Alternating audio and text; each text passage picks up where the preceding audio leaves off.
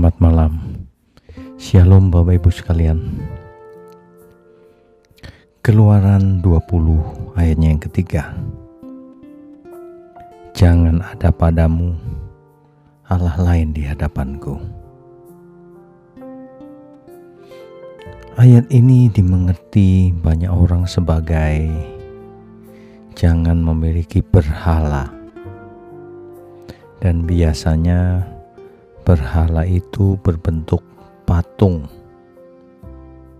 yang lalu disembah-sembah. Seperti dahulu bangsa Israel pernah membuat patung lembu emas ketika Musa naik ke Gunung Sinai. Dan itu membuat Tuhan murka. Hari ini Mungkin kita tidak membuat patung semacam itu lagi, tetapi bukan berarti banyak orang tidak punya berhala. Justru berhala yang ada hari ini di zaman ini lebih berbahaya dibandingkan hanya sekedar patung. Berhala di zaman ini bisa berupa sesuatu yang tidak kelihatan, sesuatu yang sangat mengikat pikiran seseorang, sangat mengikat jiwa seseorang. Berhala ini bisa berupa keinginan yang tidak pernah terpuaskan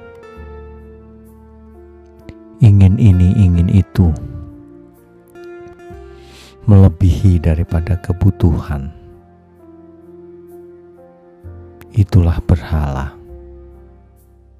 Berhala bisa berbentuk apa saja, tetapi intinya adalah berhala itu akan merintangi hubungan kita atau relasi kita dengan Tuhan secara pantas.